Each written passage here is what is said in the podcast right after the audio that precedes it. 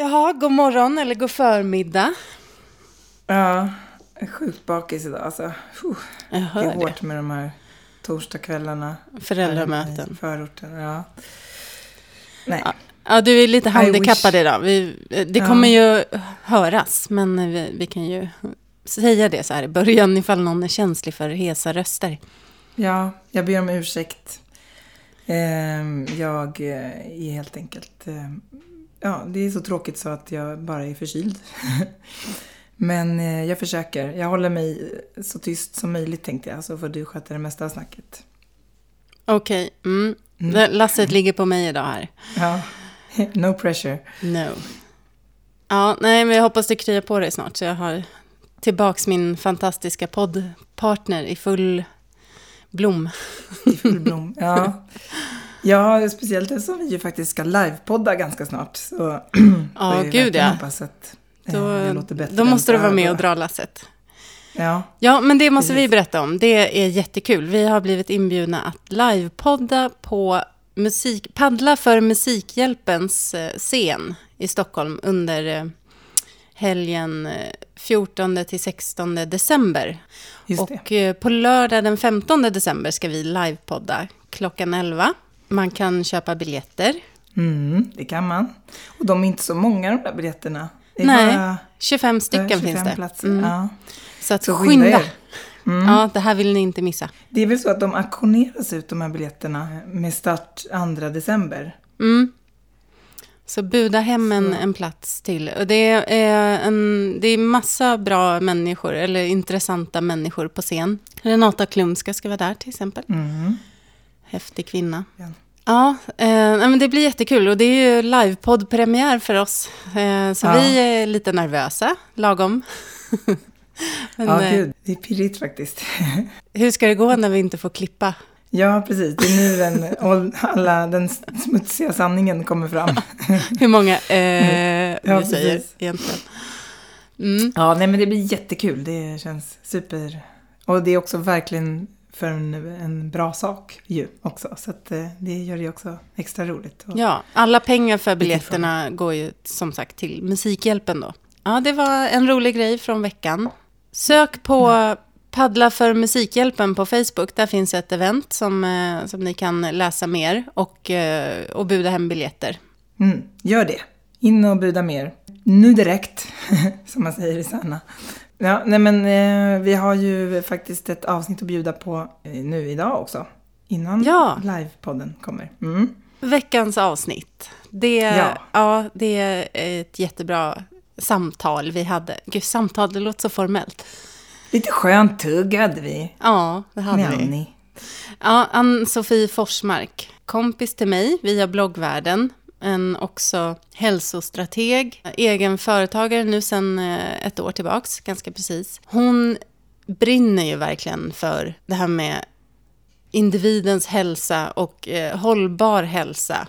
Och hon eh, far ju land och rike runt och hjälper företag att förstå hur man skapar ett, en hållbar arbetsplats. Eh, hon är också fantastiskt bra på att bryta ner hälsa till liksom, den enkla beståndsdelarna som det faktiskt handlar om. Att det, det är inget du behöver lägga tusentals kronor på och köpa nya kläder bara för att kunna gå ut och träna, utan hon, hon är väldigt bra på att inspirera till enkla rutiner som man klarar av att hålla och som ger en bra hälsa på lång sikt. Ja, och hon är ju ett energipiller av Guds nåde verkligen. Så det är en perfekt Mm. gäst att ha så här i deppiga novembermörkret. Hon är Ja. alltså otrolig, eh, verkligen, med så himla liksom, inspirerande och eh, ja, men bara, det bara bubblar liksom ur henne. Hon Ja. är så här fantastisk.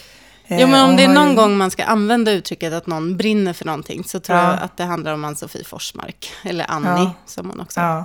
kallas. Verkligen. Och hon eh, är ju också väldigt aktiv i sociala medier med att liksom försöka verka för ett, ett hållbart samhälle i stort och eh, liksom minskad konsumtion och att man ska försöka leva så klimatsmart som möjligt och sådär. Så att hon är ju verkligen, eh, hon lever ju verkligen liksom som hon lär in i minsta cell.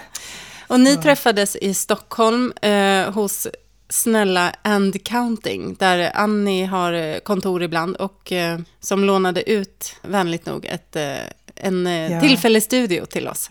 Det vill vi verkligen tacka för. Eh, då ska vi väl ta och dra igång det avsnittet helt enkelt. Jag tycker att Annie ger en mängd eh, liksom, görbara knep och tips och, och sätt att tänka för att hitta sin mening och skapa rutiner som gör att man mår bra i vardagen. Så jag och Johannas whiskyröst vill gärna bjuda på dagens avsnitt. Varsågoda! When your life's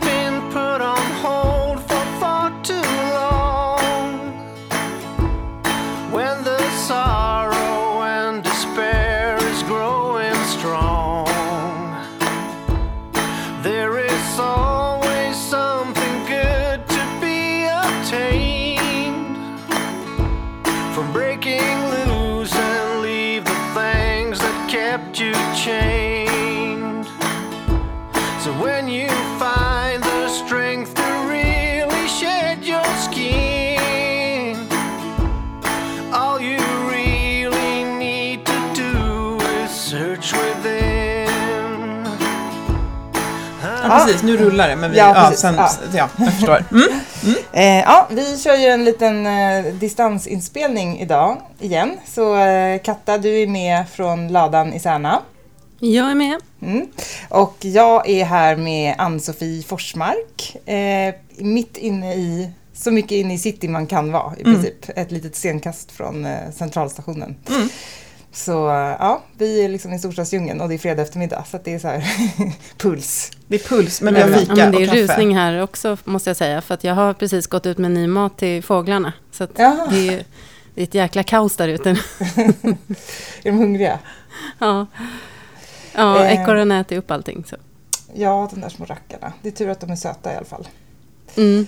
Eh, men eh, jätte, jättekul att du ville ställa upp och vara med i podden. En ära att få vara med. Superkul. Eh, och idag så tänkte vi, vi, du kanske kan börja med bara att berätta lite om dig, vem du är och vad du gör och lite sådär. Det är alltid Ja. bra att veta. Det är svåra.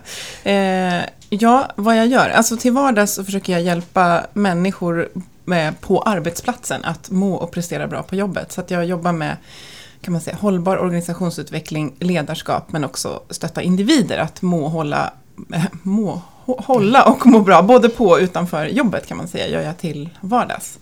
Eh, och jag har en bakgrund som, jag har jobbat med det som i citationstecken kallas för hälsobranschen i snart 20 år. Och är även utbildad civilekonom, så jag har även jobbat med revision och eh, ja, men så siffror. Siffror Mm. på datorn under ja, närmare 15 år också. Så att, eh, ja, vad ska jag säga mer? Jag, är- jag, när jag och Katta lärde känna varandra så konstaterade jag att vi, vi är födda och uppvuxna på två olika pendeltågslinjer i Stockholm. Så att jag är på Bålstalinjen och ni är på vad blir det, Märstalinjen. Ja, precis. Ja. Eh, och i övrigt så har vi ganska mycket som så här förenar oss kändes det som i så här uppväxten. Så, Ja. så att jag är uppväxt i, utanför Stockholm då, men mina föräldrar är från Tornedalen respektive Värmland. Så jag har inga rötter här, så att jag är en, en lantlolla i själ och hjärta. ja, men det är precis som vi då. Eh, men vi Mm. har liksom ett, ett geografiskt ursprung bara, in, inte två som du då. Men Nej, just det, de var från, just det, från samma. Ja, ja. ja Mm. men ehm, det, det är rätt intressant det här med att du har gått från, eh, för jag antar att du började då med det här med klassiska alltså revisorsjobbet och, och sen har förflyttat dig mer mot hälso... Nej, tvärtom Det är faktiskt. tvärtom? Ja, Aha, precis. okej. Så att jag drog väl nästan dagen efter jag tog studenten så åkte jag över till, till inte till England faktiskt, utan till en liten ö i Irländska sjön som heter Isle of Man och Ah, eh, jobbade på hotell där. Och eh, jag var redan ganska aktiv med så här, idrott och sådär. Eh, och sen utbildade jag mig till hälsocoach och personlig tränare i London våren 99. Eh, och började jobba med det där. Men sen så eh, insåg jag, eller jag blev blev lite pressad till att jag skulle, inte av mina föräldrar, utan av min eh, dåvarande pojkväns föräldrar, att man, man måste ha en utbildning på universitetet. Av din då- dåvarande pojkvän Ja. hade de så stor... eh, Ja, båda, båda barnen i deras familj var, hade gått på Oxford. Aha, okej. Så det var så här, du, det, det, det är passet till livet, det är att ha liksom en universitetsutbildning. Eh, så då tänkte jag så här, ja men jag kanske ska plugga något då. Och så var jag lite feg, jag ville egentligen läsa marinbiologi eller då sport science. Eh, men det blev lite tryggt att jag tog en, en, eh, en civilekonoms, motsvarande civilekonomsexamen, fast mer inriktning på, på finansiering var det då. Eh, så läste jag det. Eh, så, så jag höll på parallellt med, med hälsa och ekonomi. Och sen blev det mest ekonomi kan man säga under ungefär 5-10 års tid. Men jag har liksom hållit på med, vad ska man säga, hållit på med hälsa och träning på sidan om hela tiden. Så att jag kan säga att jag har sett den branschen och tittat på mående i 20 års tid, både professionellt och såklart privat också. Mm. Mm. Så då har ju du väl verkligen egentligen varit med ända från början i den här hälsotrenden eller vad man ska kalla det för. Som, för det är väl ungefär där någonstans i tiden som det började, är väl att man blev mer så här, ja men det här med företagshälsa Mm. på allvar, att man Mm. börjar jobba förebyggande och liksom, Mm. känns det som. Att det är inte så Mm. jättegammalt. Nej, det är nog inte jättegammalt. Det beror också lite på vad man, vad man lägger i det. För jag kan se ganska ofta på många organisationer att de jobbar med saker som främjar hälsa, men det kanske inte kallas för hälsa. Alltså ett medarbetarsamtal är ju en otroligt viktig hälsofaktor, men det kanske man inte lägger under när man ska beskriva för någon som man kanske rekryterar hur man jobbar med hälsa. Medan man kanske pratar om att eh, köra något lopp som hälsa, medan medarbetarsamtalet är nog det som har störst påverkan på din hälsa som, som arbetstagare. Så att, men jag har absolut sett eh, hur det har liksom skiftat fokus och eh, behoven och utmaningarna har, eller egentligen inte behoven, men utmaningarna har förändrats under den här tiden och vad man lägger i begreppet hälsa har ju förändrats ganska mycket. Ja, precis. För det är också eh, de här liksom, vad ska man säga, utomstående faktorerna har ju ändrats väldigt mycket under de här 20 åren. Man tänker hela egentligen så här, internetrevolutionen och ja, sociala medier och eh, liksom att allting har det, det är så otroligt mycket mer liksom inflöden om saker som pressar oss utifrån. Hur, hur tycker du att det märks? Liksom, hur företag jobbar med här Ja? Det, alltså, jag tror att det är, ett, eh, det är väldigt mycket i fokus nu. Jag var senast idag med på något som kallas för forskardagen, när man pratade om just hur vi ska kunna ta hand om oss i den digitala, alltså det gränslösa samhället. Och det är så att en, om man tänker att du behöver skriva en rapport och så förut så var du tvungen att vara på kontoret för att göra det. Så kan man ju säga att men det är en fantastisk möjlighet om du kan lösa det hemma. Men med alla möjligheter kommer också utmaningar och jag tror att vi har sprungit på möjligheterna och, och, och liksom älskat det här möjligheten att upp, koppla upp oss och ta del av vad alla andra gör och liksom, jag kan se vad du käkade till frukost i morse till exempel och allt det här. Och nu börjar vi agera på de utmaningarna som, som hänger ihop med det. Och där är det ju också en, eh, olika grader av mogenhet tycker jag i Eh, både hos individ men också hos organisation hur man hanterar det. Men det man kan säga är att det finns en föreskrift som heter AFS 2015 4 och där står det att vi behöver fokusera på de här frågorna i den föreskriften. Så det är också lagstadgat. Sen vad man lägger i tolkningen av den, det är olika. Men jag märker att alla företag har, eller alla organisationer ska jag säga, som, som jag träffar, de har det här i åtanke och sen är man olika mogen i att hantera det och man är också olika typer av liksom, verksamhet. Man kan ju, alltså det beror ju helt på hur man, några, ibland har man ju jour till exempel, då måste man ju vara uppkopplad. Men eh, det jag reflekterar väldigt mycket över det är att vi har samma behov nu som vi hade för hundra år sedan. Men hur vi tillfredsställer våra behov är, är oftast då vi krånglar till det. Alltså våra så här, basbehov, alltså äta, sova, så här, det krånglar vi till. Jätte, jättemycket. Eh, och det som ska få oss att må bra, alltså så här, umgänge, röra på oss och äta, det är ofta de sakerna som får oss att må dåligt. Och det är ju ett jätteproblem. För att eh, samma sak som kan få dig att må bra, alltså att äta till exempel, det är ju ett jättestort problem, framförallt för många tjejer. Och att röra på sig, som vi som tycker om det, tycker är hyfsat problemfritt och njuter av, är en jätteutmaning för många. Så att det, det är inte lätta problem att, att lösa. Det går inte att skriva någon lag liksom, om det här, utan det handlar jättemycket om att ta hand om det på individ och eh, organisationsnivå. Så. På ett sätt så mår vi ju sämre nu än för kanske 30 år sedan, både fysiskt och psykiskt. Ehm, trots att vi har det bättre än någonsin egentligen i mänsklighetens historia. Vilka faktorer tror du är liksom mest Vad är det som påverkar oss mest? Varför, hur har det kunnat bli så här? Men jag tänker, om, man, om man tänker den här Maslows behovstrappa eller behovspyramid så är det ju, ja, men basbehoven är ju att vi inte utsätts för liksom hot, vi har tak över huvudet och sådär. Fåglarna har mat, du har ved i din spis. Eh, och sen så behöver vi känna gemenskap och så behöver vi eh, Ja, men liksom, vi, vi är ju på den här högsta nivån där vi liksom ska självförverkliga oss. Och där är det ju inte att slänga in ett till vedträ i brasan och så blir det varmt. Och det är en väldigt konkret liksom, förändring. Nu är jag varm, nu fryser jag inte. Utan det är mycket mer subtilt hur jag själv förverkligar mig. Och det är också så att med alla sociala medier så nås vi ju av väldigt mycket normer som vi egentligen inte vill ha. Eh, och det är nog väldigt svårt att förhålla sig till. För vi pratar hela tiden om, och det hör jag jättemycket, alla de här sakerna, alla kraven. Jag tänker på, liksom, nu är det slutet på november när vi pratar och, och, många känner ju att december, som jag tycker borde vara en period när man verkligen njuter av det här mysiga, för många är det bara krav. Men de kraven, det är ju ingen lag som kommer utan det är ju så normer som vi skapar och matar liksom runt om fikabord, lunchbord, i sociala medier.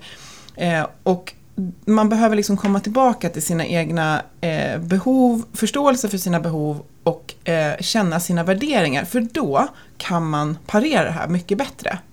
Eh, och det här är en liten reflektion som jag har gjort när jag tänker på när jag liksom försöker hjälpa folk med livsstilsförändringar och så, så handlar det väldigt mycket om att om du inte känner dina värderingar och förstår dina behov, då kommer du ju hela tiden hämta in inspiration utifrån på vad du behöver. Men du måste liksom landa nere i din mage, ta en sväng där och så bara, nej, jag struntar i det här. Jag struntar i att liksom göra egen pepparkaksdeg. För för mig är det mer värt att ha, ja, lite så. Så att jag tror att det handlar jättemycket om att vi behöver hitta tillbaks till våra värderingar. Och det kan ju låta som ett hyfsat mycket jobb att göra.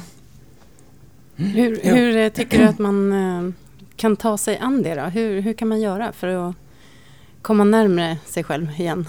Jag tror att det handlar mycket om att eh, för det första stänga ute bruset en stund. Eller hitta någon som man verkligen litar på. Och så börja liksom ställa de här frågorna. Men vad är liksom viktigt för mig? När knyter det sig i magen för mig? För då är jag i någonting som inte överensstämmer med mina värderingar.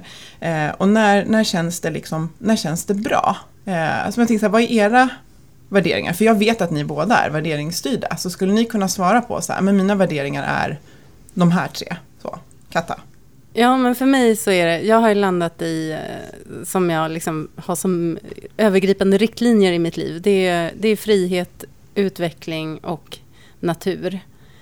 Eh, och det är så jag har lagt upp mitt liv, för att jag, jag vill ha frihet, eh, känna den friheten. Jag vill, eh, jag vill utvecklas, jag vill eh, liksom framåt, jag är nyfiken. Eh, och sen så vill jag, eh, jag, vill ha, jag vill ha mer natur i mitt liv för att jag mår bra av det. Mm. Och då blir det att frågan på varför de bitarna är viktiga, svaren på de frågorna kommer ge dig liksom svaret på dina behov. Och det är ju något av de här behoven att du behöver känna en typ av gemenskap. Och du känner egentligen, alltså det vet ju vi alla som är naturälskare, att man känner ju en fantastisk gemenskap när man är i naturen. Men det är kanske inte alltid med en annan människa utan det är snarare med hela världen om man får vara lite flummig med träden. ja. Men med naturen och eh, utveckling det är ju att man också, när man utvecklas så får man ju bidra. Alltså det blir en typ av självförverkligande. Eh, och sen frihet, det, ju, det handlar ju om autonomi. Eh, och det är ju grunden i liksom, eh, den, alltså self-determination theory, alltså vår motivationsteori. Känner vi inte frihet och känner oss låsta, då kommer vi liksom hindras både att utvecklas men också att känna eh, ja, gemenskap så att säga. Så att oftast kokar det ner till våra behov. Och det vi ofta krånglar till det är ju till exempel att om du inte skulle göra som du lever ditt liv nu Katta, utan du skulle ja, men kanske bo mitt i en storstad och försöka få alla de här bitarna via Instagram, då skulle det bli väldigt jobbigt för dig. Mm. Mm, jo, men där har jag ju varit. Och då har ju du bytt miljö och jag tänker, där tänker jag också jag tänker på era lyssnare som är eh, kanske som jag, att man är hälften av allt så är man liksom ute i naturen och, och fjällmänniska. Men att livet som det ser ut just nu kanske inte ger den... Alltså det är klart, det finns inga hinder om man liksom vill uppoffra hur mycket som helst. Men vi kanske måste bo i den här storstaden, i den här förorten, i den här lägenheten. Men vi kan få till våra behov och våra värderingar ändå. Det är inte miljön som gör det. Som jag sa till dig innan Johanna, att när jag bodde i Australien, alltså bildmässigt, så jag hade ju liksom haft det snyggaste Instagramflödet av alla, det fanns inte Instagram då. Eh, jag satt där på den här stranden med de här fina sandkornen med havet utanför, jag surfade hela dagarna. Jag har aldrig varit så olycklig i hela mitt liv. Nu har jag så här det här livspusslet deluxe som jag kallar det för med två barn och liksom eh, men är lyckligare än jag någonsin har varit. Och eh, jag skulle säkert vara ännu lyckligare om vi kunde bo i fjällen men just nu funkar inte det och då kan jag vara lika lycklig ändå i den här kontexten jag är. Så det är viktigt att skicka med att det inte det är klart det är yttre faktorer, eh, men vi kan också skapa det liksom där vi är. It's a, happiness is an inside job. Jag bara lite nyfiken då på vad, vad var det som gjorde dig så olycklig? Varför var du olycklig där när du var i så dröm... Den här I, dröm, drömmen? I liksom? drömmen. Ja, nej men för det första så hade min, eh, det var inte så länge efter att min pappa hade gått bort. Eh, så det var ju, för det första hade jag en sorg och den kan man försöka resa ifrån men den kommer och biter en i rumpan oavsett om man åker till månen eller ej. Eh, och sen så var det nog också att jag inte riktigt levde enligt mina eh, så här, värderingar. Alltså, på ytan kanske jag gjorde det, men jag, det var inte med rätt drivkrafter som jag levde mitt liv. Utan, och, och sen kanske några så osunda liksom, relationer. Och den kombon gjorde det omöjligt för mig att vara liksom, lycklig. Så, eh, så att det, det var verkligen en, en reflektion jag har gjort nu när man blir lite äldre. Att ja, det, man kan resa var som helst men liksom dina utmaningar de kommer följa med dig och har du inte rätt värderingar så spelar det ingen roll vart, vart du är någonstans. Klokt. Ja, men det var det lite som vi har pratat om i tidigare avsnitt också, Johanna. Att, att det måste inte vara det här drastiska steget och en, och en total eh, förändring av hela livet. Utan att jobba med de här små nycklarna. Alltså ta små steg som, eh, och förändra det som kanske är jobbigast. Att liksom skapa sig den eh, andningspausen i vardagslivet som man verkligen behöver. Och så fort man gör en sån liten förändring så kan det ge så himla stor effekt i hur man mår. Så precis så var det för mig också. Bara att, det, liksom att jag gick ner i tid och också så kunde vara hemma först en dag i veckan och sen två dagar i Mm. veckan. Gjorde ju också att man... Det är det där, man behöver ju också frigöra den Mm. där tiden. Man måste få tid att tänka. Mm. Liksom. För annars så blir det bara, då kan man ju gå liksom vecka ut och vecka in och bara, man hinner liksom aldrig ens gå in i de där tankarna. För att Nej. det är så mycket med liksom, jobb och barn, och, eller även om man inte har barn, det finns ju massa Mm. annat också. Och liksom, det, det, det blir verkligen ekorrhjulet på riktigt, att man liksom Ja. bara, det bara snurrar på. Mm. Eh, och sen så helt plötsligt så kanske det har gått tio år som man har gått och varit så här olycklig i någon situation och bara inte liksom haft tid att så här, på riktigt reflektera över det. Mm. Och, Och det tror jag, det, det kommer mer forskning på det också, både ur affärsperspektiv men, men framförallt för välmående. Det här med att, alltså att, reflek- att inte reflektera, det är ju egentligen bland det mest korkade vi ska göra. Att, eh, för du frågar Katta, men hur kommer man närmare sina värderingar? För det kan ju kännas som väldigt så här maffigt, för att vi har alla värderingar. Och så har vi också förutfattade meningar, alltså vi har en blandning och så har vi behov. Eh, och att Alltså att skapa tid för reflektion, eh, alltså det är big business, både för ditt välmående men också för att du om tio år ska titta tillbaka och känna att men jag har faktiskt reflekterat, så här, känns det rätt i magen?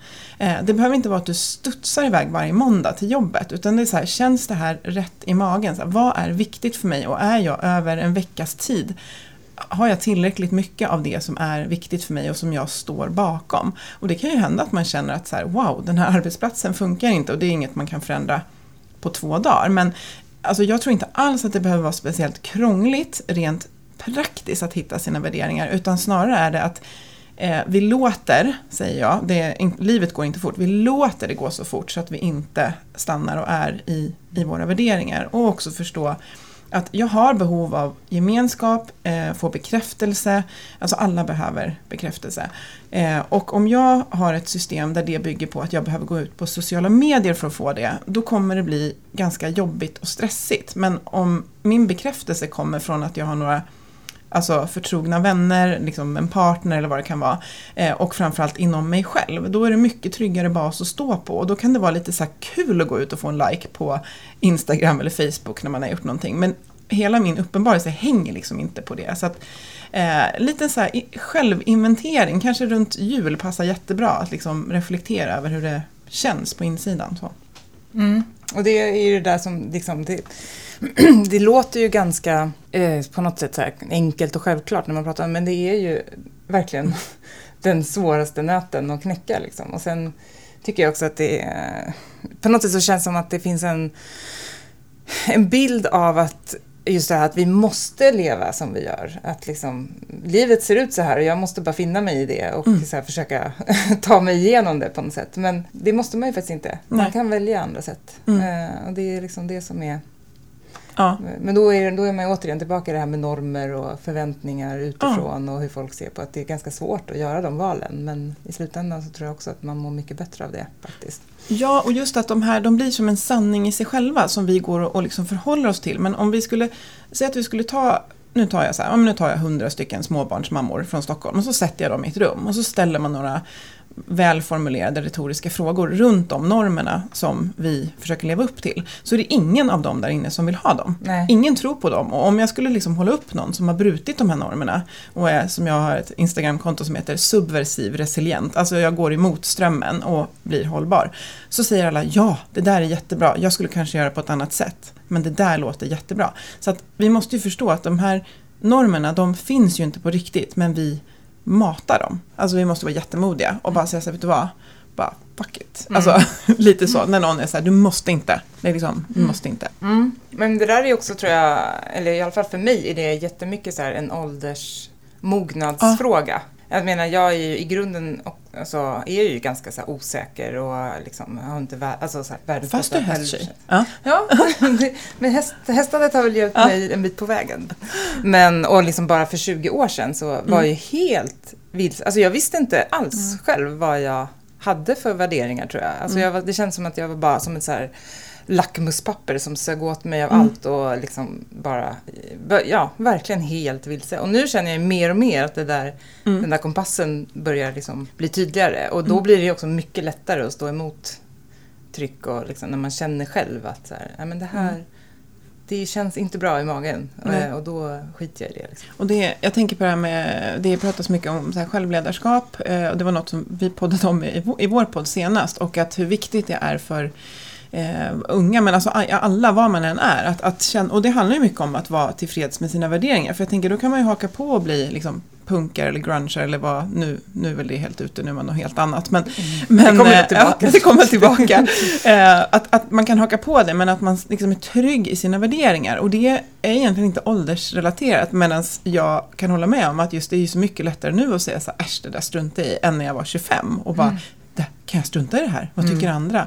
Eh, men det, det tänker jag att man, man kan koppla upp sig på oavsett hur, eh, hur liksom gammal man är. Men, men det är, det, är som en trygghet att ha med sig överallt. För då finns det en tydlig magkänsla i vad jag ska och inte ska göra. Och just när vi inte går så mycket till liksom kyrkan längre och får med oss liksom budskap därifrån om hur vi ska vara mot varandra. Då måste vi hitta det själva. Så, så det är ju ett, det viktigaste verktyg vi har i vad vi än tar oss för egentligen.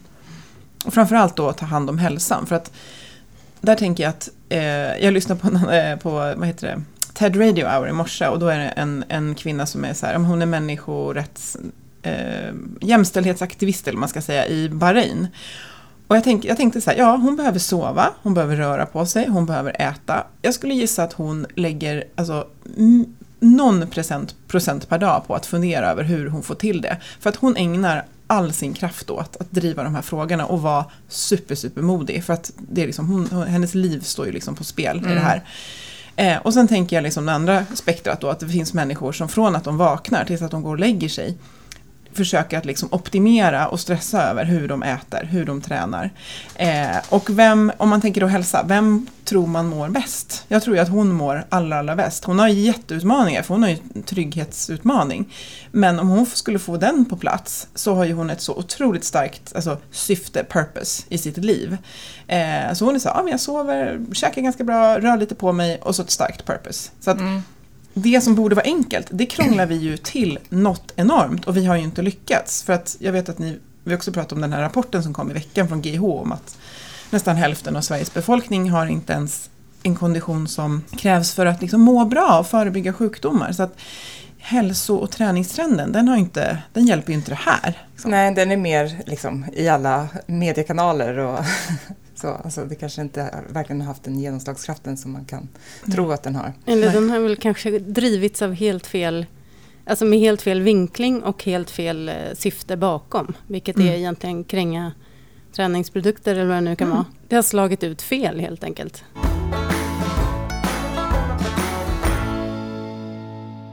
Du pratar ju ofta om eh, KASAM och jag tänkte att du ska få förklara det lite mer. Mm. Är det så att vi liksom har, har vi tappat bort oss i jakten på, på lycka och, och liksom tappat meningen. Eller, för just syfte och mening, jag tycker inte att man hör så många prata om det. Det, det är många som pratar om att oh, jag vill bli lycklig eller sådär. Men att det kanske ligger i att hitta ett högre syfte eller en mening med det man gör. Det tycker inte jag att det pratas lika mycket om.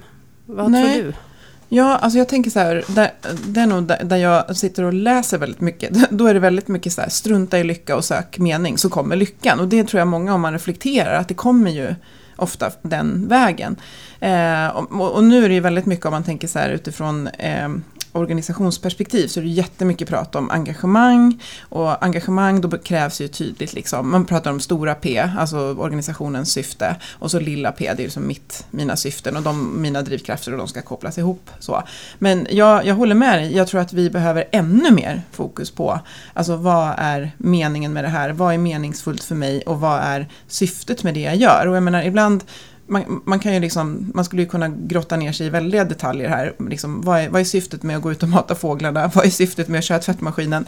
Eh, men jag tror att i stora drag så, så, behöver det finnas på plats. För det är därifrån eh, lyckan kan komma. Alltså när jag har ja, Kazam på plats, då är jag ju då, då, kan jag vara lycklig också. Det är då lyckan kommer. Men eh, jag tror att det kommer från något så här buddhistiskt talesätt. Liksom att har du eller om det var ja, Dalai Lama, jag kommer inte ihåg. Men, så här, att, ja, men har du två stunder per dag där du upplever liksom så här, wow, gud vad bra det är, då, då är det ganska bra. Liksom så så det, det handlar inte om att flyta runt på rosa moln, vilket jag gissar att du också var ute efter. Att så, så ser inte livet ut. Och det blir tokigt om man har de förväntningarna. Mm. Och det, alltså jag tror det strider väl mot liksom människans natur. Alltså jag tror inte vi kan vara lyckliga. I, alltså så här, om man menar att man alltid ska gå runt och bara tycka att allting är fantastiskt. Det är ju inte mänsklig lycka tror jag, för mm. det, vi är inte gjorda så. Liksom. Vi måste alltid problematisera. Och mm. det, men det är väl just den där balansen då. Att mm. man åtminstone ska ha en rimlig liksom, andel av sådana stunder i livet. Ja, det var ju eh. gänget som tog sig ur grottan. Det var ju de som in, inte var nöjda. Det var ju de som funderade på om man kunde liksom, vidareutveckla det här, om man kunde få igång en eld och, och så. Så det är ju den ja. genpoolen vi sitter med. Eh, så det är precis, vi är ju konstruerade så att vi inte ska mm. vara nöjda. För då hade vi ju nöjt oss med mm. tak över huvudet och mm. de bitarna. Och det är ju också bara den förståelsen att det det ligger i min natur som människa att vilja, ja och nu då? Mm. Eh, och därför behöver vi, liksom, om man säger så att citationstecken, tvinga oss själva till att stanna upp och liksom känna tacksamhet för det som är. För att det är det som också skapar eh, kraft till att fortsätta utvecklas eller ja, vad man nu vill göra. Mm.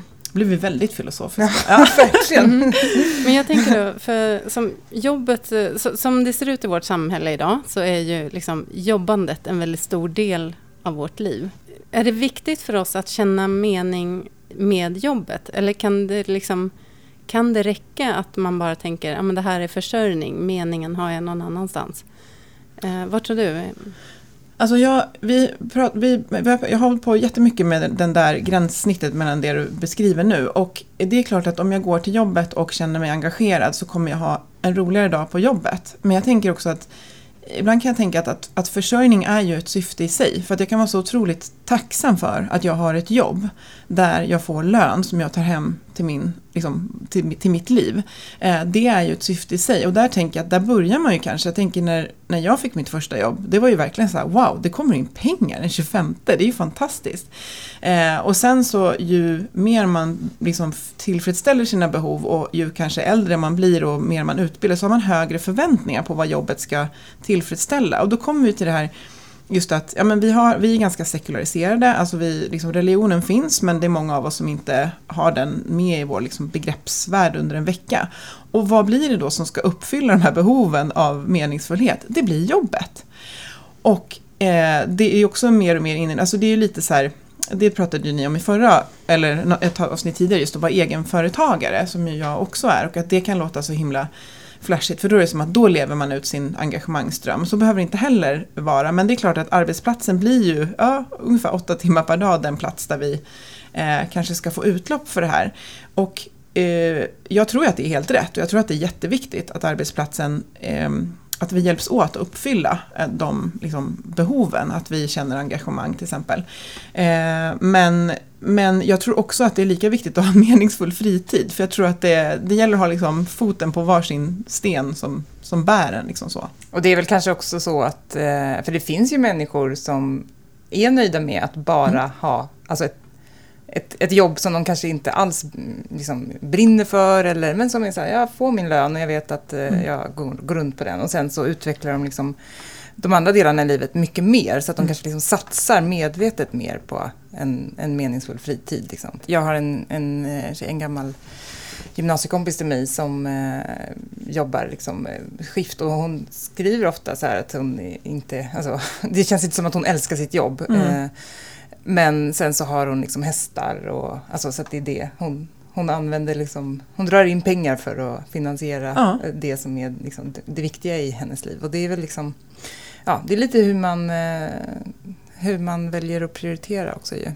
Ja. jag tror, men det är väl det som är lite grejen med den här kulturen som finns i, ja det är väl kanske rätt mycket i storstadsregionerna också, att man är ju, ens identitet är så himla starkt kopplad till jobbet och till att man presterar och liksom klättrar och ja, har någon Mm. typ av karriär. Liksom.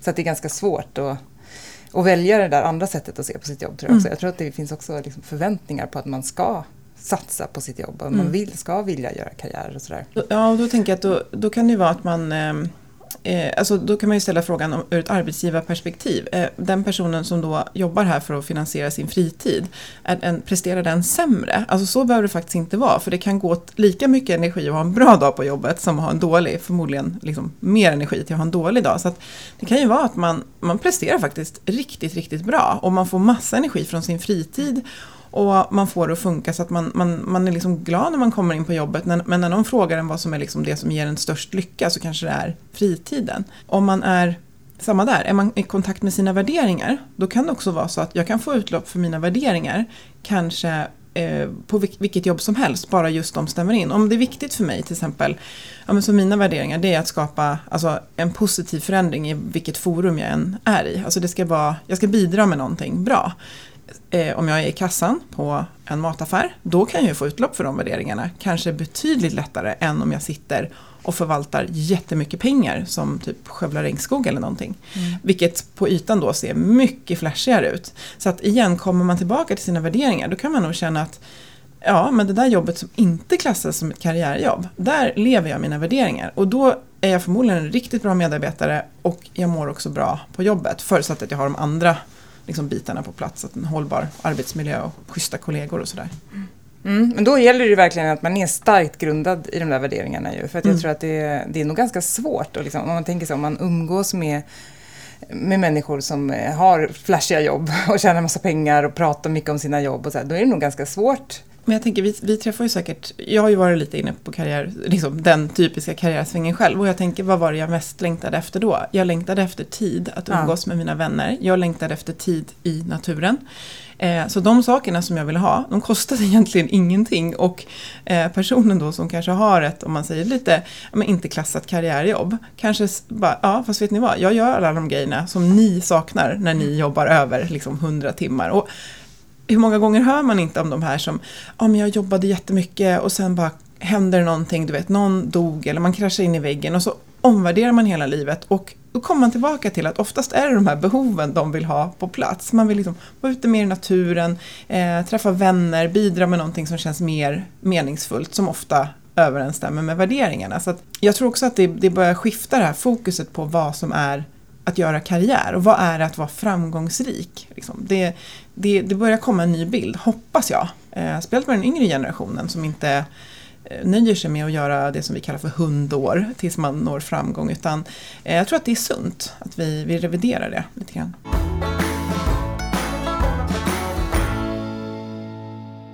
Det finns ju en typ av eh, modell som jag vet att du har pratat om, som du lite också har modifierat, eller vad man ska säga. Men du, du utgår från den mycket va, när du jobbar, Mm. som kallas KASAM. Mm. Vi var inne på det. Kan, kan du berätta lite om vad, vad den handlar om och varför det är viktigt? Ja, det, det, direkt så börjar jag rita en triangel med fingrarna. Jag har den till och med i min logga, så viktig är den. Men det står för känsla av sammanhang och på engelska heter den sense of coherence. Och eh, det handlar om meningsfullhet, Eh, begriplighet och hanterbarhet. Eller så kan man säga vilja, kunna och klara av. Och jag brukar säga att det är världens bästa liksom, motivationsmodell, det är världens bästa affärsmodell och också så här, det är världens bästa, ja men just så här när man känner så här, det känns inte helt rätt i magen just nu någonting. Om man tar hjälp av den här så kan man oftast hitta i förhoppningsvis att det är ett hörn som brister. Ibland är det två hörn. Men om man säger utifrån ett arbetsplatsperspektiv, eh, om jag pratar om till exempel en VD eller ledningsgrupp, så brukar jag säga att om människor kommer in här och vill göra det som ni ska göra och så vet de hur man ska göra det och vem som gör vad och det finns tillräckligt med kunskap och sen har de tillräckligt med resurser för att klara av det, då kommer ju ni bli lönsamma och det kommer gå bra. Eh, och sen på individnivå, alltså att om jag kommer till jobbet och vill göra det jag ska göra för det mesta och så klarar jag av det, jag, alltså, eller jag vet hur jag ska göra, jag har rätt kunskap och, eller så vet jag att mina kollegor till exempel har den kunskap jag behöver. Eh, och sen har jag tillräckligt med resurser. Och här kan ju resurserna vara, det blir ju väldigt olika beroende på vad man jobbar med. Så för en brevbärare så gäller det att den här cykeln funkar, jag har koder till alla portar jag ska in i till exempel. Eh, och jag tänker nu poddar vi, så nu är det liksom tid som behövs, det är en resurs. Eh, och vi behöver kaffe, det är en väldigt viktig resurs. Eh, och vi behöver att elektroniken och uppkopplingen funkar för att vi är på två liksom, olika platser. Och, eh, så att man får liksom gå till sig själv, vad är det vad är det jag ska göra? Så. Eh, och ofta så tänker jag att om någon liksom ska ta sig an en beteendeförändring till något håll, ja, men jag ska börja och träna tre gånger i veckan. Ja, hur ser ditt vilja ut? Liksom? Hur behöver du mata det? Och vilken kunskap behöver du? Där behöver, brukar det oftast inte vara något problem om man verkligen tänker efter. Och vilka resurser behöver du? Och då kan det ju vara att du behöver rent krasst ett par bra skor och kläder men också att du tar dig tiden. Eh, och den är ju väl sammankopplad då med motivationen för att jag kan ju hitta tid om jag är tillräckligt motiverad. Så att alla delarna hänger ihop men väldigt ofta när någonting känns fel på arbetsplatser, jag gör ofta den här övningen med, med både chefer och med, med, medarbetare, så får man hjälpas åt att rita bilden av sin arbetsplats och då ser man ofta var det brister. Eh, och oftast är det ju klara av hörnet som det brister och det är ofta eh, tidsbrist eller då kanske eh, att vi inte är tillräckligt många eh, på vår avdelning så att vi, vi får dra liksom 150% last kanske eller någonting så. Men det är en fantastisk modell för att eh, bygga motivation men också sin hållbarhet. Mm.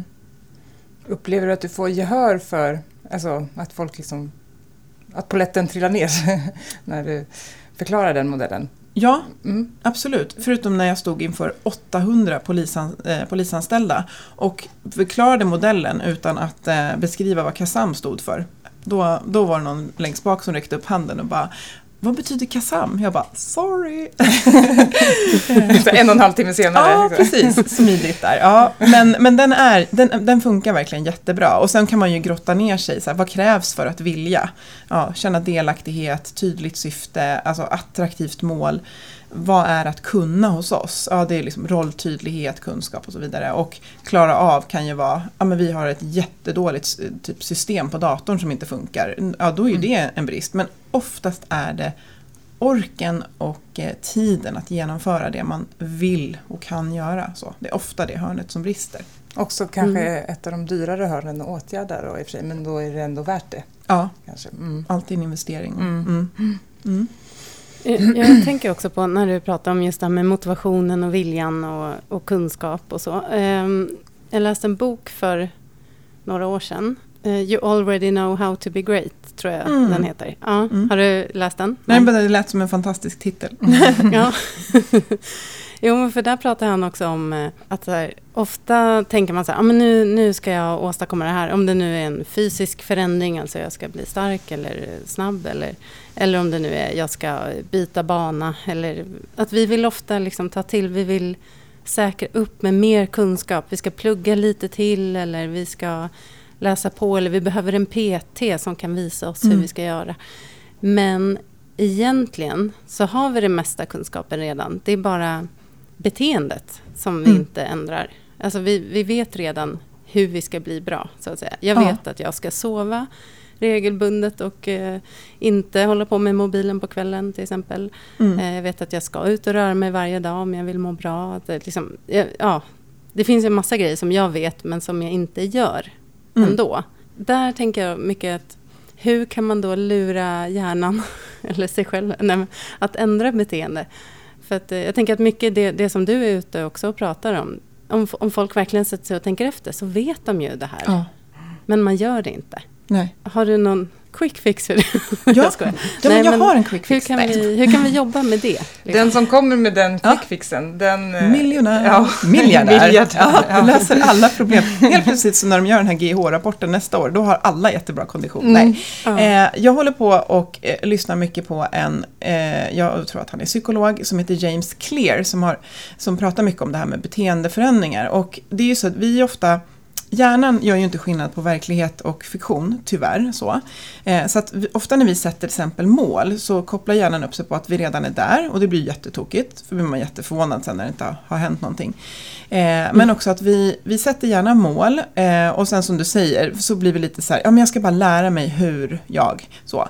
Eh, och det vi behöver göra det är liksom eh, vi behöver internalisera att så här, men jag är ju inte en sån som rör på mig. Vi behöver liksom skapa en känsla av att ja, men jag är en person som rör på mig. Och då handlar det inte om att, eh, om man till exempel säger att du ska springa en mil, det handlar inte om att du behöver springa en mil dag ett, utan det handlar om att du tar på dig skorna och går ut för att du börjar bygga identiteten av att du är en person som rör på dig. Eh, men också det som är viktigast, det är ju att, eh, för att gissningsvis de målen man sätter, förutom några sådana här one-off crazy mål, så det är ju sådana här mål som man eller beteenden som man vill hålla i resten av livet. Så här, jag vill vara en person som tar hand om min sömn, tar hand om att äta bra, tar hand om mina relationer, eh, lägger min tid på vettiga saker och tar hand om min fysiska aktivitet. Eh, då gäller det att tänka process. Alltså det gäller att tänka liksom att det, det här är en process som pågår hela tiden. Eh, och struktur.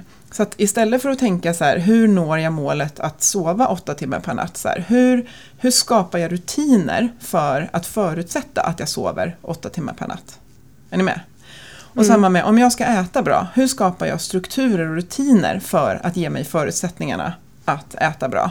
Och då handlar det ju mycket om så planering och liksom för, förbereda. Och samma med fysisk aktivitet. Om jag vill vara en person som rör på sig varje dag, hur behöver jag liksom planera och strukturera mitt liv då? Och då inser man ganska snabbt att man behöver förenkla de här grejerna ganska mycket. Så att det ska vara, ja, det ska vara mer fokus, fokus på att få in det som en, en struktur och som en del av mig som person. Jag är en person som äter bra, är en person som sover bra. Eh, och det kan ju vara mycket man vill ta sig an då, att jag vill både vara allt det här och jag känner inte att jag är något. Men börja med en grej och liksom Ja, men vad är, vad är liksom den minsta tröskeln jag kan kliva över nu? Ja, jag byter om till löparkläder. Ja, bra. Och så går jag liksom ut en liten sväng. För att då märker ju hjärnan att så här, gud, det där var inte alls så farligt. Vi tar några steg till nästa gång. Men det här är ju ingenting som säljer, så det här går ju liksom inte att köpa av någon stor gymkedja, utan det här är faktiskt helt gratis. Eh, det är liksom eh, rent beteendeförändringsmässigt, men man behöver skaffa sig insikten. Och som du var inne på Katta, vi kan tillräckligt mycket. När det gäller hälsa så kan alla vad som får dem att må bra. De kanske inte har det top of mind just nu, men det finns inom oss den sanningen. Den kan inte någon annan komma och tala om, det behöver vi hitta själva. Men när jag pratar om hållbar hälsa eller hälsa gratis så har jag efter de här 20 åren kokat ner i att det handlar om att ta hand om sömn och återhämtning, att äta liksom bra för det mesta, ta hand om våra relationer, eh, röra på oss liksom på ett sätt som vi tycker känns okej, man behöver inte älska att träna. Eh, och sen också kunna gå och lägga sig de flesta kvällar och känna att så här, wow, jag lägger tiden på saker som känns värdefullt för mig. I de bitarna ligger nog vår, vår hälsa skulle jag säga och Mm. då behöver vi göra det ganska enkelt så vi har tid att liksom leva livet ovanpå det där. Mm. Ja, jag Ja. tycker det finns något, eh, något liksom, som jag kan tänka mig är väldigt hoppfullt för många, men eh, det är för mig också. Och det är det här att det behöver inte ligga i stora drastiska jätteförändringar, utan Nej. det är liksom små dagliga rutiner som ger framgång på lång sikt och som skapar den här hållbara förändringen. Och det är inte så himla svårt att få till egentligen. Nej. Men det är ingen för som kan kan ju kännas liksom övermäktigt ibland. Så här, Jaha, jag ska bli en person som har eh, god kondition och hälsa och här sitter jag Ja. och är i asdålig form till exempel. Det känns ju mer övermäktigt än att tänka så här, ja men jag ska ändra den här lilla grejen varje dag. Ja. Jag, jag är en person som försöker ta hand om min hälsa på bästa sätt. Men jag håller med dig, alla saker som, liksom, det som du är inne på, det är ingenting som kostar någonting. Och det gör ju också att det kommer inte dyka upp på ditt Instagramflöde. Bara, du vet väl att du kan skippa gymkortet, skippa alla gröna smoothies och alla tillskott. Och det viktigaste du kan göra för din hälsa, det är att se till att sova ordentligt. Det, det är svårt att kapitalisera på. Så att de budskapen får vi hjälpas åt att sprida pro bono. Liksom.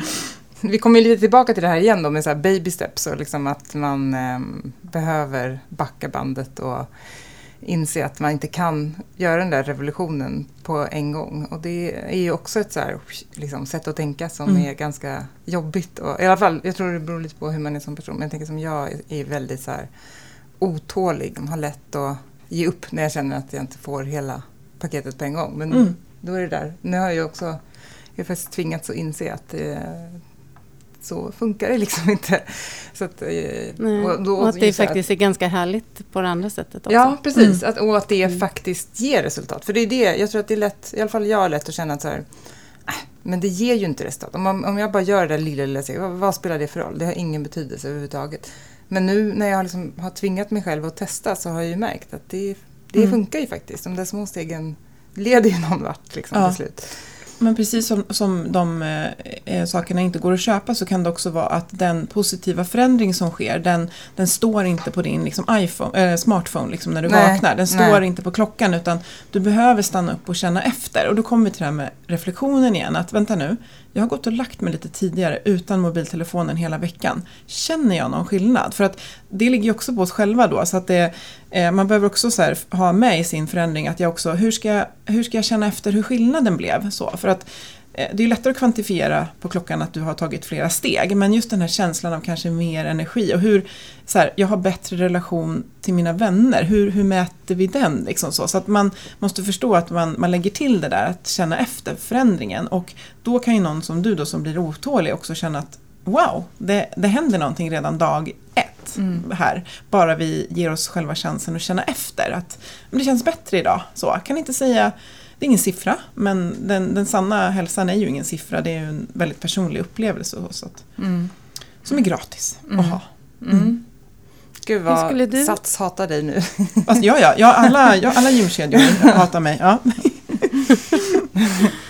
Om du spanar framåt, eh, sådär, vad, vad, hur tror du att det ser ut om, om fem, tio år? Sådär? Hur jobbar vi med hälsa då? Eh, Jag tror ju inte att vi kan hindra den här quantified self-trenden som slår väldigt hårt. Eh, Jag, jag Alltså satt att själv i mäta- morse... Ja, Att mäta Alltså med mäta.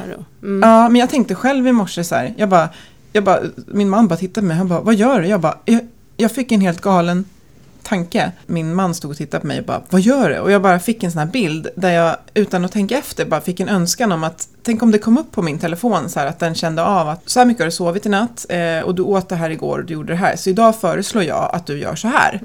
Eh, men då tänkte jag ett varv till och tänkte att, ja, men vad är det för behov jag försöker uppfylla? Och det är ju en, en förståelse för vad jag behöver för att ta hand om min hälsa långsiktigt egentligen. Och den vet jag ju att jag egentligen har inom mig. Alltså det är ju den sanna känslan för då får jag alla dimensioner som inte någon smartphone i hela världen eller någon applikation kan mäta. Eh, så jag brukar säga det, för jag pratar en del om det här när jag liksom föreläser, att men mät för all del, men tro inte att du kan mäta hälsa, utan tro att du kan mäta Nästan kan du mäta, vi har ingen riktigt jättebra sån här kommersiell grej som mäter sömn på ett bra sätt över tid. Men det går ju att mäta hur långt du går och sådär. Och det kan vara subjektivt i och med att den kanske mäter lite fel. Men ja. Så att jag tror att vi kommer inte komma ifrån att det kommer komma ut mer saker på marknaden som ger oss en sån här quick fix känsla. Att jag, jag köper det här för den talar om exakt vad jag ska äta och sådär. Och väldigt mycket gentestning tror jag kommer komma mycket mer. Att vi eh, får reda på vilka gener vi har. Eh, och det är samma där, är du, står du rustad med resultatet? Liksom, klarar du av att se då att du har jättehög risk till exempel för någon typ av cancer? Och, eh, det gäller ju att mäta det man faktiskt kan agera på, men också förstå att Alltså när vi känner oss som allra lyckligast så är det väldigt få som säger så här 30 kilo, ah, okej om man har klarat ett lopp då, men eh, det var inte så här ett exakt värde, utan det är en upplevelse. Men eh, mycket mäta, mycket gener, alltså mäta gentestning. Men jag tror också på det här att folk längtar ju back to basics. Alltså de längtar efter det du beskrev så fint någon gång Katta, att du sa att när du planerar din jobbvecka så tittar du på vädret. Lite så här, oh det blir sol på onsdag. Som en bonde liksom. Som en bonde, ja fast Katta är ju foto, fotonörd typ. Så att du, du är så här, ja det blir fint väder, då, då planerar jag in att göra undan jobb så att jag kan komma ut när det är fint väder. Alltså det där är ju så härligt och jag tror att många längtar efter det här stänga av telefonen och, och komma ut och liksom umgås med vänner utan att det finns skärmar med. Så att jag tror att det, det brukar alltid komma en motpol till det som det blir mycket av. Blir det mycket mäta då vill vi inte mäta någonting. Så det, det Mm. svänger och jag Mm. tänker mycket också på det där att alltså varenda så här grej jag är på event, alla bara förändringen, det är det enda beständiga och det går så fort nu och man bara vad är det som går fort? För att min fysik och min kropp det har inte hänt jättemycket på den på några hundra år. Alltså, alltså våra fysiska behov och oss som människor, vi har inte förändrats. Det är teknologin som går snabbare, men vi är fortfarande människor som ska tillgodogöra oss det här. Och eh, jag hoppas att den liksom, insikten och distinktionen följer med när vi tittar på allt nytt som kommer fort. Att, eh, alltså relationer kan vi inte automatisera, thank God. Liksom. Nej, inte ännu. Nej, även om det pratas om eh.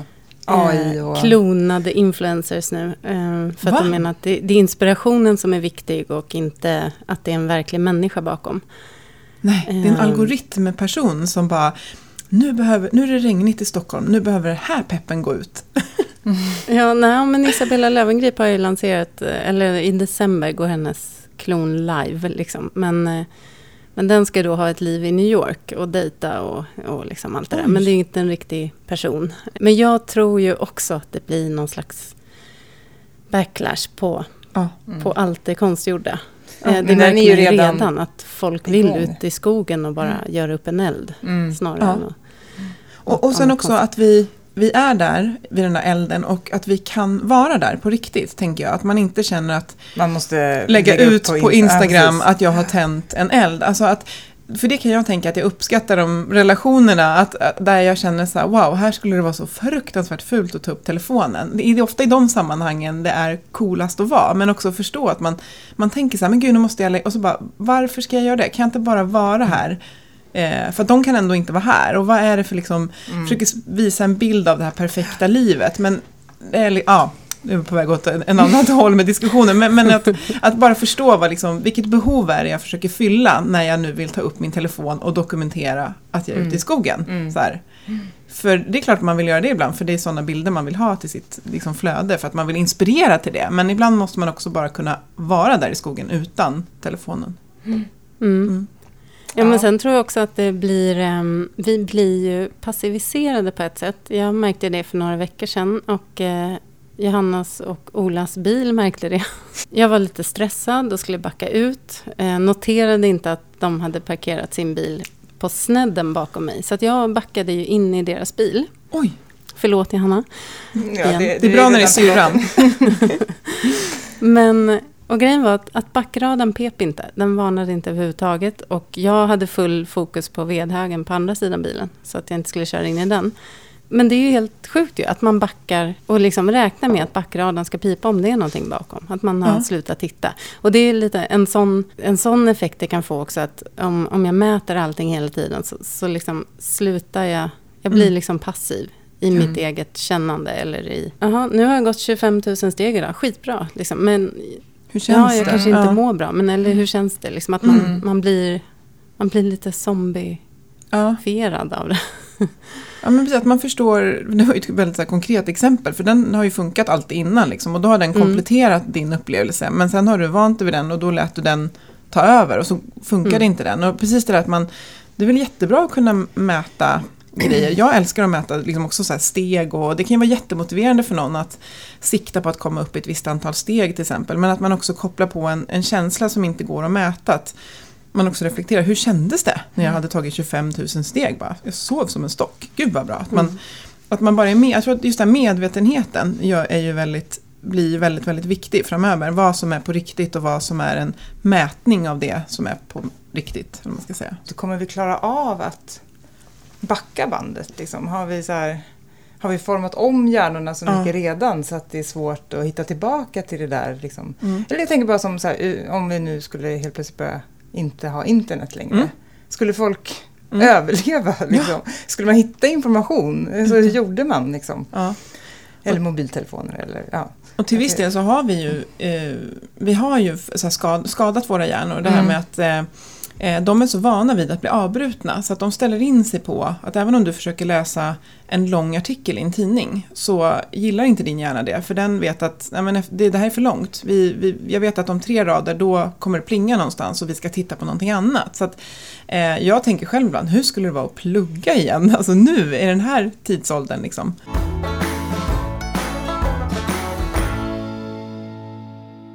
Vad, är liksom, vad skulle du vilja säga är ditt viktigaste budskap till, till våra lyssnare? Eh, när det gäller jag menar, hållbar förändring, att må bättre eller, eller bara liksom känna lite mer tillfredsställelse i sin vardag. Vad är det viktigaste du vill skicka med då? Ja, det kanske blir så här tre spår. Det ena är ju först att verkligen eh, så här, lyssna på magen. Jag brukar säga att magen, det är inget flummigt. Magen är, det är summan av alla våra dagar vi har levt. Det är all visdom vi har som är samlad i den. Så att när den säger någonting, då är det, då är det liksom sant. Och gärna, liksom så här, är det, men är det här min riktiga sanning eller är det någon så här, spontan grej jag har kommit på för stunden? Liksom att verkligen så här, känns det här rätt i magen? Och tror jag att när jag tittar tillbaka på det här beslutet jag funderar på att ta, att om tio år så känns det okej, okay, jag tittar tillbaka och säger att men jag valde det här. Att liksom ta den rundan, den tar inte så lång stund. Och sen också förstå att just det här med våra behov, att, att Eh, alltså de här basbehoven, att liksom så sova ordentligt, käka ganska bra och se till att röra på sig hyfsat mycket. Försök att hålla dem så enkla så att ni har hjärnkapacitet och tid över till att gå ut och vara modiga i den här världen. För det är precis det vi behöver nu. Vi behöver massa modiga människor som går emot strömmen, som frågar när någon säger så här, ah, så måste jag ju fixa det där och det där. Att det är så, men måste du verkligen det? Alltså vi behöver skapa kraft och energi och tid till att vara modiga och ta hand om här blir värsta brandtalet, jag ta hand om den här planeten. Och då kan vi liksom inte fasta i, fastna i att optimal nörda runt grejer som liksom äta kolhydrat eller inte, eller liksom, eh, ja, liksom olika träningsformer, om inte det är ett liksom, fritidsintresse. Så att försök att hitta ett enkelt sätt att ta hand om hälsan så att du får kraft och tid över till det du vill göra i ditt liv just nu men också se tillbaka på att du faktiskt gjorde. Yes. Det blir mitt brandtal. Ja. Härligt. Yes we can. och jag kämpar med det här själv varje dag. Det låter som att jag tror att jag vet hur man gör. Exakt, det är precis det här man, man får kämpa med hela tiden. Komma tillbaka till magen och liksom, känns det här rätt? Är det här, är det här, stämmer det här med vad jag vill göra? Liksom? Det, man blir inte klar, man blir aldrig bäst på det. Nej men som du sa, man kan se det som en process. Mm. Då får man vara lite förlåtande mot sig själv också. Om man ibland ja, verkligen. kommer på avvägar. Det finns ingen som är så hård mot en själv som en själv. Så att var sin egen bästa kompis. Det är väl en jättebra slutkläm. Alla bara är sina egna bästa kompisar. Ja. Så får vi en mm. mycket bättre värld. Ja, och som Katta sa, som den där boken, att you already know how to be great. Liksom. Mm. Du har den kunskap du behöver om din hälsa och ditt välmående inom dig, så skapa utrymme för att liksom, lyssna på det.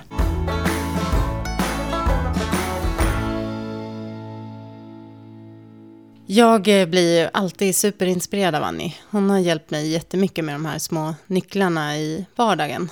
Till exempel att du nu för tiden alltid jagar din frukost. ja. Kan du berätta lite om? ja, ja, eh, ja men Annie tipsade om eh, bland annat så här, försöka somna och vakna ungefär samma tid varje dag. Oavsett om det är helg eller vardag. Eh, det är ganska svårt att hålla tycker jag. Men, ja. men jag tänker ändå på det där. Eh, och att varva ner liksom innan sänggång. Men också det här att vara uppe och jaga frukosten. Att, att vakna och sen gå ut och röra på sig, typ 20 minuter. Bara en promenad eller om man är upplagd för det, kanske en jogg. Eller på något sätt eh, få igång kroppen lite och sen äta frukost. Och jag tycker att det, ja, jag känner mig liksom piggare och det känns som att förbränningen har kommit igång bättre. Och, och, och det är ganska enkelt att göra, tycker jag. Eller det är liksom inte ogenomförbart. Eh, och det är så här, ja men enkla saker som hon ger tips om, som man faktiskt kan genomföra och som man framförallt kan leva med.